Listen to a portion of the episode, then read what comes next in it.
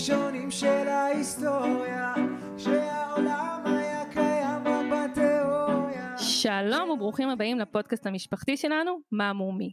אנחנו משפחת פרגו מיכאלי, אסף, נועם, אלון, עמליה ויעל, וההיסטוריה האנושית מלאה באנשים שהשפיעו עליה. ההיסטוריה תמיד חוזרת על עצמה? אלו אירועים שישארו איתנו לנצח? כל אלו משפטים היסטוריים, אבל בעצם מהי היסטוריה? מה מגדיר אותה? מי חוקר אותה? ולמה זה חשוב? מה מומי מתרגשים באמת לארח את יובל מלחי, אחד הפודקסטרים המובילים בארץ. פודקסטר שהוא גם היסטוריון, אחד כזה שעשה היסטוריה משל עצמו. אנחנו מתחילים. רבותיי, ההיסטוריה חוזרת, שום דבר לא אבד, לא נשכח. ברוך הבא יובל מלכי. תודה רבה, שלום לכם. שאלה ראשונה על פי המקובל אצלנו. יובל, תציג את עצמך למי שמאזין לפודקאסט ואולי בטעות לא שמע את השם יובל מלכי. אה, אני מקווה שמי ששומע אתכם שמע את השם יובל מלכי, אבל אם לא, זה נחמד, כי אולי הם חדשים לעולם הפודקאסטים, אז אה, יכול להיות להם מגניב. אה, לי קוראים יובל מלכי, אני לא יודע אם אני מגדיר את עצמי כהיסטוריון, אנחנו נדבר על זה. היסטוריון זה מילה כזאת באמת מכובדת וכבדה ועם המון המון אחריות. אני גדלתי בארץ עד גיל 14, מגיל 14 עד אה, גיל 27 פחות או יותר הייתי בארצות הברית יחד עם ההורים, ועשיתי תואר ראשון ותואר שני ביחסים בינלאומיים בארצות הברית.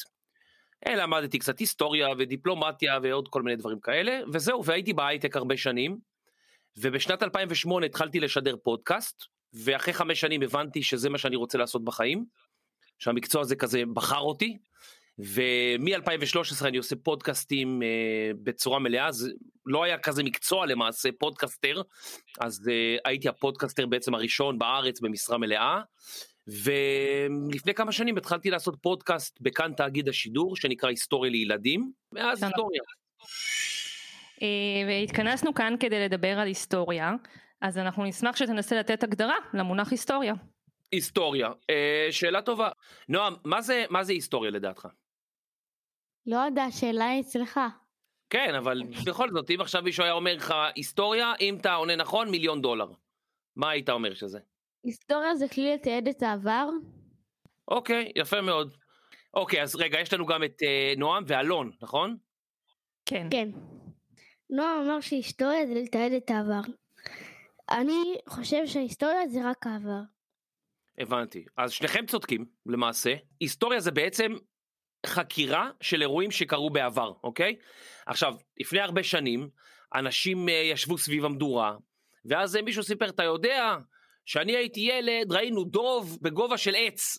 ואז מישהו אמר, מה אתה אומר? ואז הוא המשיך את הסיפור שסבא שלי, הוא ראה פעם דוב, ככה העבירו את ההיסטוריה. אבל uh, לאט לאט נוצרה יותר היסטוריה ויותר היסטוריה, וכבר היה קשה את כל האירועים האלה לזכור, אז אנשים התחילו לכתוב אותם. והסתמכו במשך המון שנים, היסטוריה היה בעצם uh, מחקר של אירועי עבר על פי תעודות ומסמכים. היום זה כבר שונה, כי יש לנו כל מיני כלים אחרים. למשל, שאני עושה פודקאסט, אז uh, אני יכול uh, להקליט מישהו שמספר על אירוע מסוים שהוא חווה. פעם היסטוריונים היו אומרים זה לא היסטוריה זה עדות אישית של בן אדם היום אנחנו כבר יודעים שזה חלק באמת מההיסטוריה ואנחנו יודעים שכשאנחנו חוקרים איזשהו אירוע ואנחנו מגלים שבאמת בן אדם מספר לנו פרטים שהם מאוד מדויקים אז יש לנו עוד עדות לא רק איזשהו מסמך כתוב שמישהו כתב יש לנו בן אדם שממש היה שם ומספר לנו מה הוא ראה. אז uh, היסטוריה ביוונית זה תיעוד או חקירה וזה בעצם מה שאנחנו עושים חוקרים.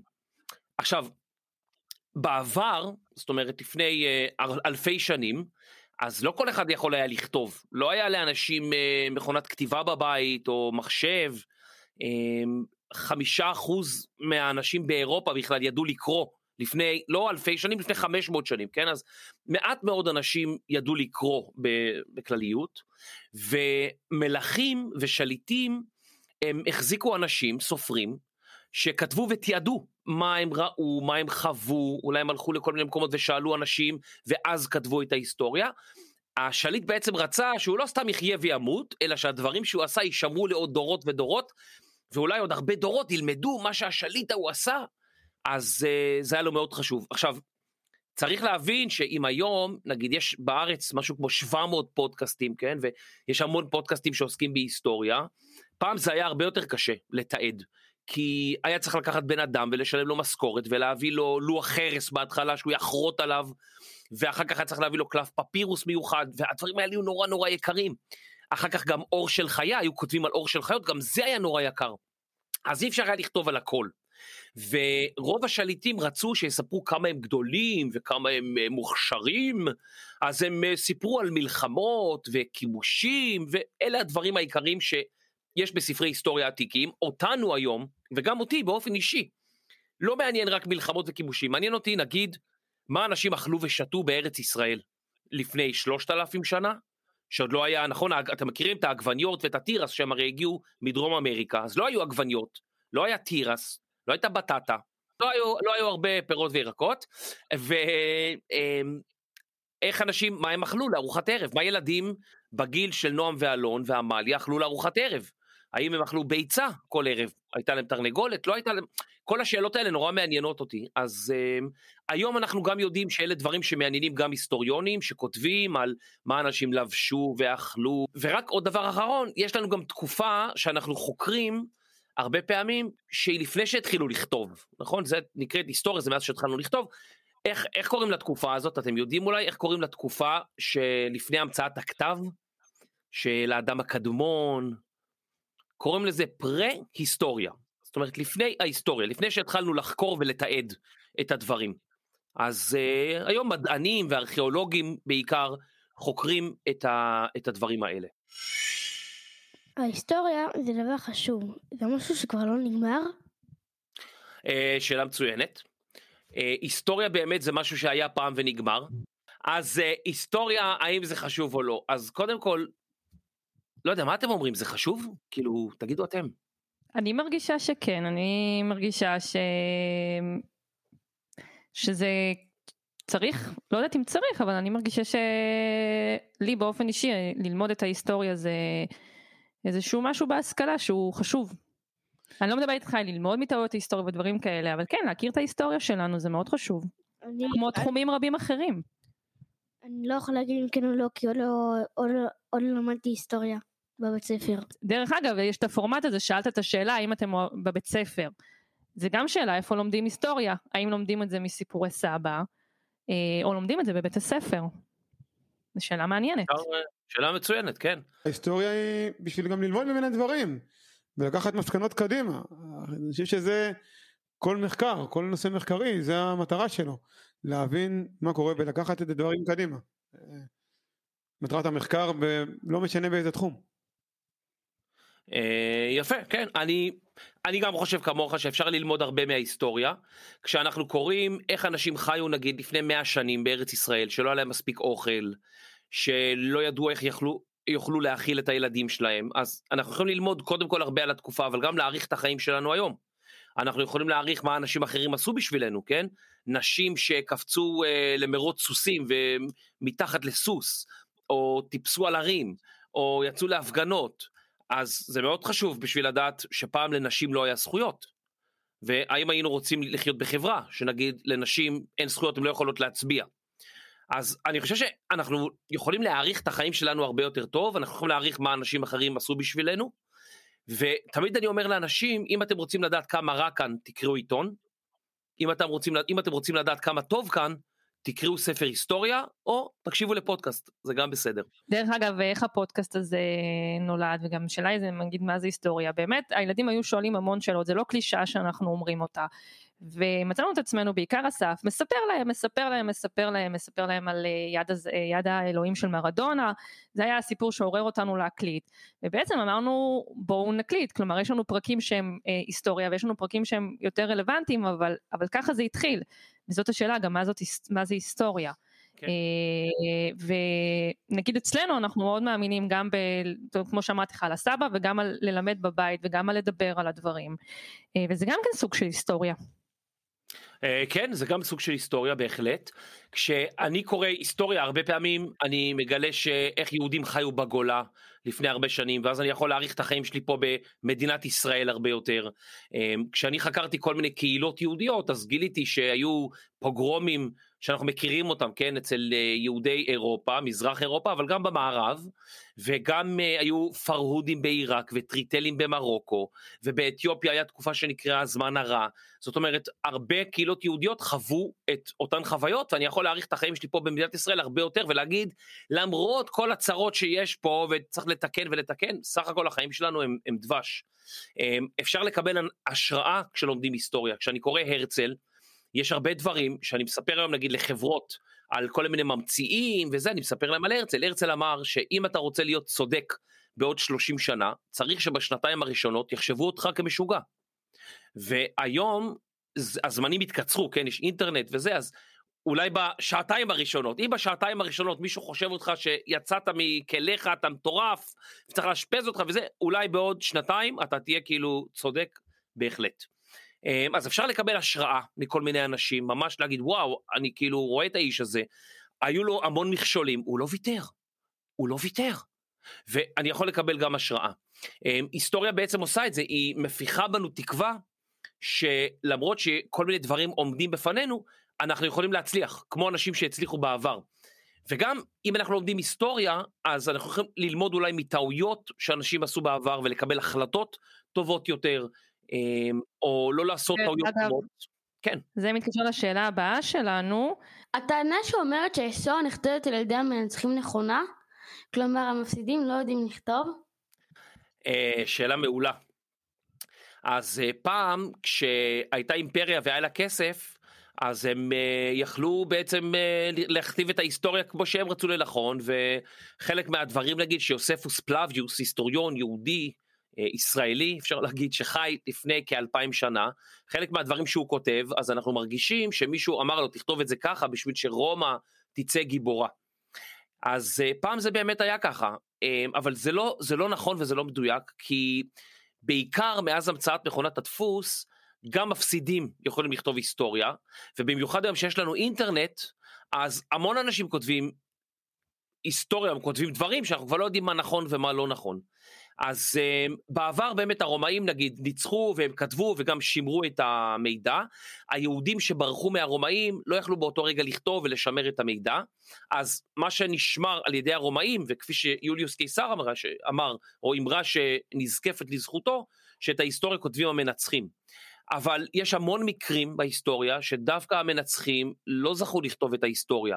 אה, אפשר להגיד גם עלינו, שבמדינת ישראל, למרות שניצחנו במלחמת אה, העצמאות, כן, את צבאות ערב והכל, עדיין יש המון ספרים שנכתבים שמראים שאנחנו כאילו היינו הצד הלא בסדר כביכול אז הנה לא זכינו לכתוב שמה הוויקינגים שהיו שודדים אה, מבצר, אה, מבצרים וגם כנסיות אז הנזירים היו כותבים עליהם דברים נוראים וככה השתמר לנו איזה שוויקינג זה משהו נורא אז למרות שהוויקינגים ניצחו ופשטו וזה וזה בסוף הם לא זכו לכתוב את ההיסטוריה. אה, קונסטנטינופול הייתה עיר באימפריה הביזנטית טורקיה של ימינו וכשהאימפריה הביזנטית בעצם נפלה אה, העות'מאנים כן הטורקים בעצם אה, ניצחו אותם, אז המון מלומדים ברחו וכתבו שהעות'מאנים הם נוראים והם חיות אדם והם אה, טבחו בהם, וההיסטוריה הזאת נשתמרה להרבה מאוד שנים והשתמשו בה, אמרו העות'מאנים, תראו מה כתבו עליהם, תראו מה הם עושים, אז לא תמיד ההיסטוריה נכתבת על ידי מנצחים, אה, גם השואה, אם אנחנו מסתכלים על מלחמת העולם השנייה, אז אפשר לחשוב מי ניצח, מי הפסיד, זו שאלה קשה, אבל גם שם אנחנו מתעדים ומשמרים ומספרים על דברים נוראים שגרמניה עשתה, אז היום זה כבר הרבה פחות נכון שהיסטוריה כותבים אה, המנצחים, הרבה אנשים כותבים היסטוריה. לי יש עוד שאלה. יא. מתי ההיסטוריה התחילה? אה, היסטוריה בעצם מתחילה עם המצאת הכתב. אה, לפני המצאת הכתב אנחנו קוראים לזה פרה-היסטוריה, ולפני זה היה, הייתה היסטוריה שבעל פה שאנשים העבירו מדור לדור אבל היא לא הייתה אף פעם לא יכלנו לדעת אם היא מדויקת אז היסטוריה ממש משהתחלנו לכתוב ולתעד שם אומרים שהתחילה ההיסטוריה דברים שכתובים ונשמרו לאורך זמן. אה, אומרים שההיסטוריה חוזרת על עצמה, בעיקר בהקשרים אה, שליליים, ואנחנו יכולים ללמוד מזה שהאנושות לא לומדת בהיסטוריה, ואם כן אז למה לחקור וללמוד ולפתח אותה. אה, זה מצוין, לי יש משפט, אני תמיד אומר שהיסטוריה זה כמו טלטלים. הם חוזרים על עצמם, אבל לא בדיוק אותו דבר. זאת אומרת, זה לא שאנחנו מצפים לאחד לאחד הדברים שיקרו, אבל יש הרבה מאוד תהליכים שהם מאוד דומים.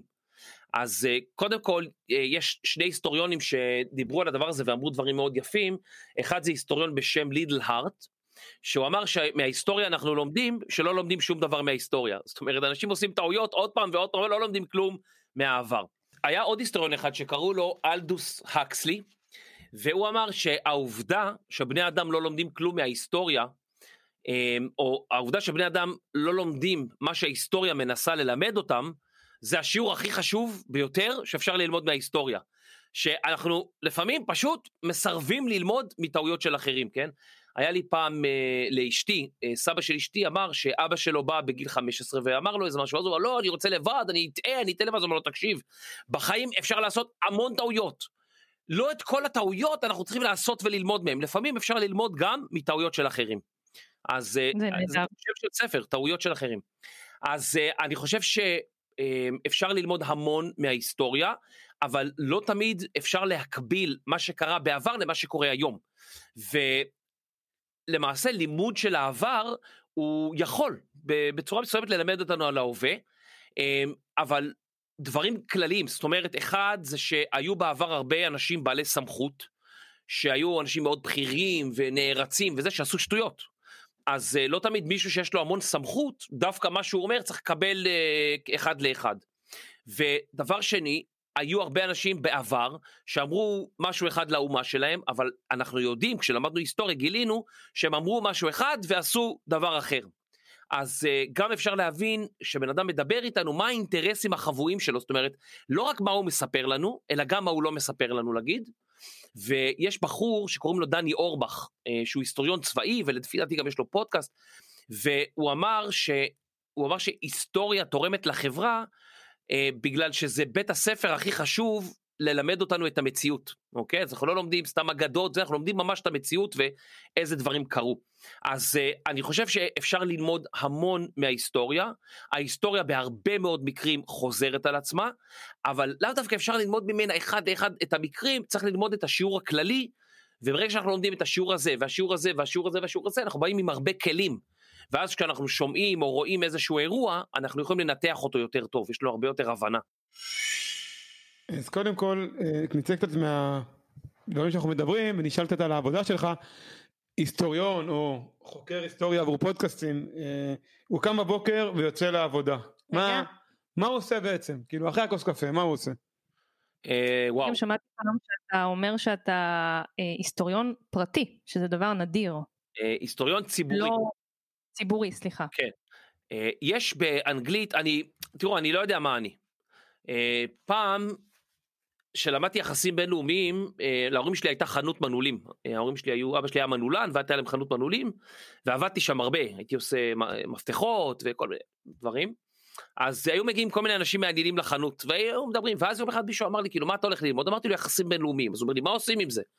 התחלתי להסביר לו שלומדים ולומדים לכתוב, ואחרי זה אפשר באו"ם, הוא אומר לי, מה זה כל האו"ם, שמום? הוא אומר לי, תלמד נגרות, לפחות תוכל לבנות כיסא, כן? אז לפעמים צריך כאילו קצת יותר לצאת מהריבוע בשביל להבין מה עושים.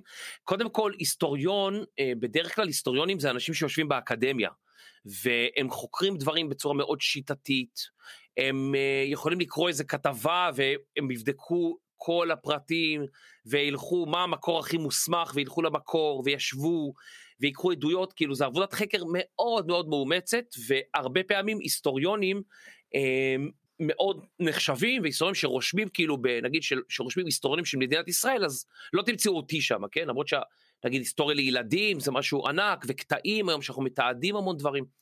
אז uh, אני, לא, אני לא יודע להגדיר את עצמי בתור שום דבר, אני מפיק פודקאסטים, אני מעביר סדנאות uh, לסובלנות במסגרת דרך שיר הבנקי, אני מלמד איך לעשות פודקאסטים, כן? אני uh, עושה פודקאסטים בעצמי, אני מעביר הרצאות בהיסטוריה, אני חוקר היסטוריה, אז לא יודע, יש משהו שנקרא היסטוריון ציבורי, שזה היסטוריון שהוא לא נמצא באקדמיה, הוא לא נמצא באוניברסיטה, אלא הוא מדבר עם קהל רחב, אז מאוד אהבתי את ההגדרה הזאת ואני משתמש בה.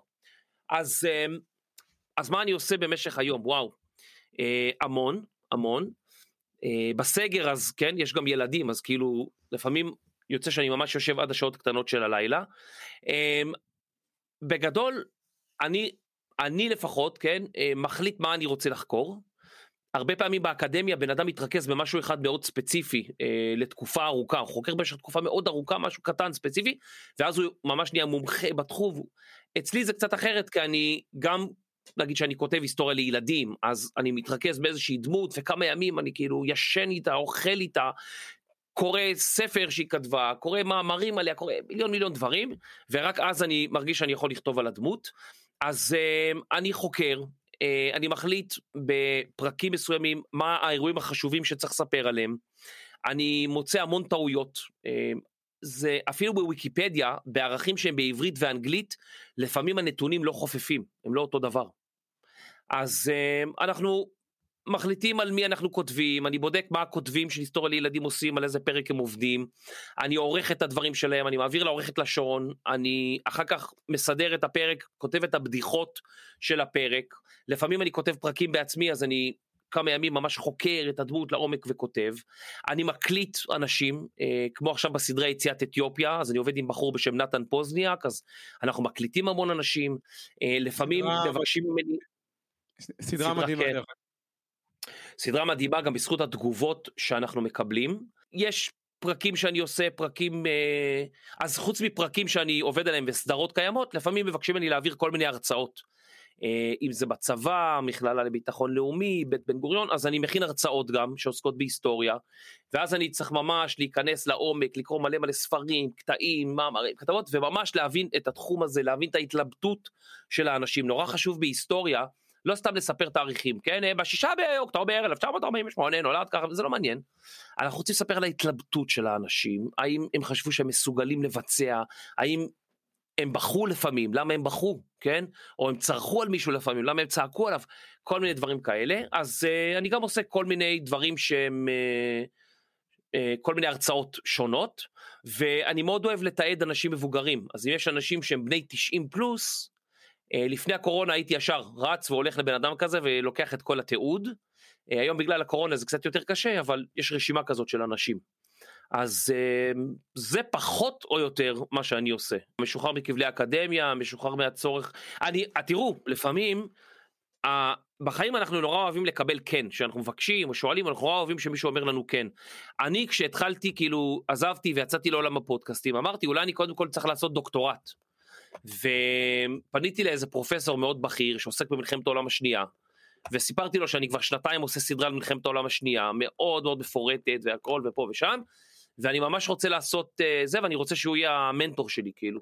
ואז הוא אמר לי שהוא עסוק מדי והוא לא יכול. אז uh, כאילו, ממש התבאסתי. אבל יותר מאוחר חשבתי ש... מה עכשיו, אני אלך שלוש שנים ואני אתעסק רק ב... באיזה נייר טואלט הבריטים השתמשו במדבריות סיני. כאילו זה בסוף הדברים שאנחנו חוקרים, אז החלטתי שאני רוצה לספר היסטוריה לקהל רחב הרבה יותר ממה שיש באקדמיה, וזה מה שאני עושה היום, תודה לאל. אז אה, כן, לגמרי זה, יש בזה, יש בזה המון חופש. ההיסטוריה לא מחכה לנו, אז מה אתה רוצה שהמאזינים ייקחו מהפרק הזה? קודם כל, אה, אני עכשיו, אני עושה פודקאסט למוזיאון המדע שנקרא Frontiers, ואתמול אה, עסקתי בפרק שמסביר למה בריאות גופנית זה דבר שהוא מאוד מאוד חשוב לנפש ולמוח. והיה כתוב שם שהרבה מאוד ילדים, אה, כשהם סובלים בשיעורי ספורט בבית ספר, הם אחר כך לא עושים ספורט במהלך החיים, כאילו יש לזה זיכרון טראומטי. ואמרתי שזה בדיוק כמו היסטוריה, יש המון אנשים שאומרים, אוי לא היסטוריה, היה לי מורה נורא בתיכון וזה, זה בדיוק זה. אז תמיד חשוב לזכור, לזכור שהיסטוריה זה פשוט אוסף של סיפורים מעניינים, מרתקים, מותחים. לפעמים כשאני חוקר כל מיני סיפורים, אני מגלה שהמציאות עולה על כל דמיון, שזה לא יכול להיות, סיפורים מטורפים לגמרי. היא מלמדת אותנו על אנשים אחרים, ובדיעבד גם על עצמנו, שהרבה פעמים אולי אנחנו אומרים לעצמנו, אנחנו לא יכולים, אנחנו, אנחנו יכולים, אנחנו מסוגלים, אנחנו כאילו צריכים כל הזמן ללכת קדימה וקדימה. ולמשל, כשאני מספר על חסידי אומות עולם, אנשים שהצילו יהודים בזמן השואה וסיכנו את עצמם ואת המשפחה שלהם, אפשר ללמוד המון, גם מאנשים נגיד שהם לא יהודים, וסיכנו את החיים שלהם. אני לא יודע אם אני הייתי מציל משפחה ומסכן את החיים של המשפחה שלי, משפחה זרה. אז אני חושב שבסוף אה, מאוד מאוד כיף לשמוע היסטוריה, אה, כיף לחקור גם היסטוריה ולגלות סיפורים מעניינים, אז אם פתאום יש לכם איזה משהו, נתקלתם באיזה סיפור, תבדקו אותו, תחקרו אותו, תקראו עליו, תראו, אולי תגלו איזה משהו שאף אחד לא גילה לפני זה. וזה באמת היסטוריה, זה, זה כיף גדול, זה כיף גדול. תודה רבה יובל. תודה לכם, איזה כיף. תודה לכם המאזינים שעשיתם איתנו היסטוריה משלנו, תודה למעוז פלד על עריכת הסאונד ועל חלקו בהיסטוריה של הפודקאסט. אנחנו מהמומי, אנחנו זמינים לנצח בכל האפליקציות ומקווים שההיסטוריה תזכור אותנו. ביי ביי.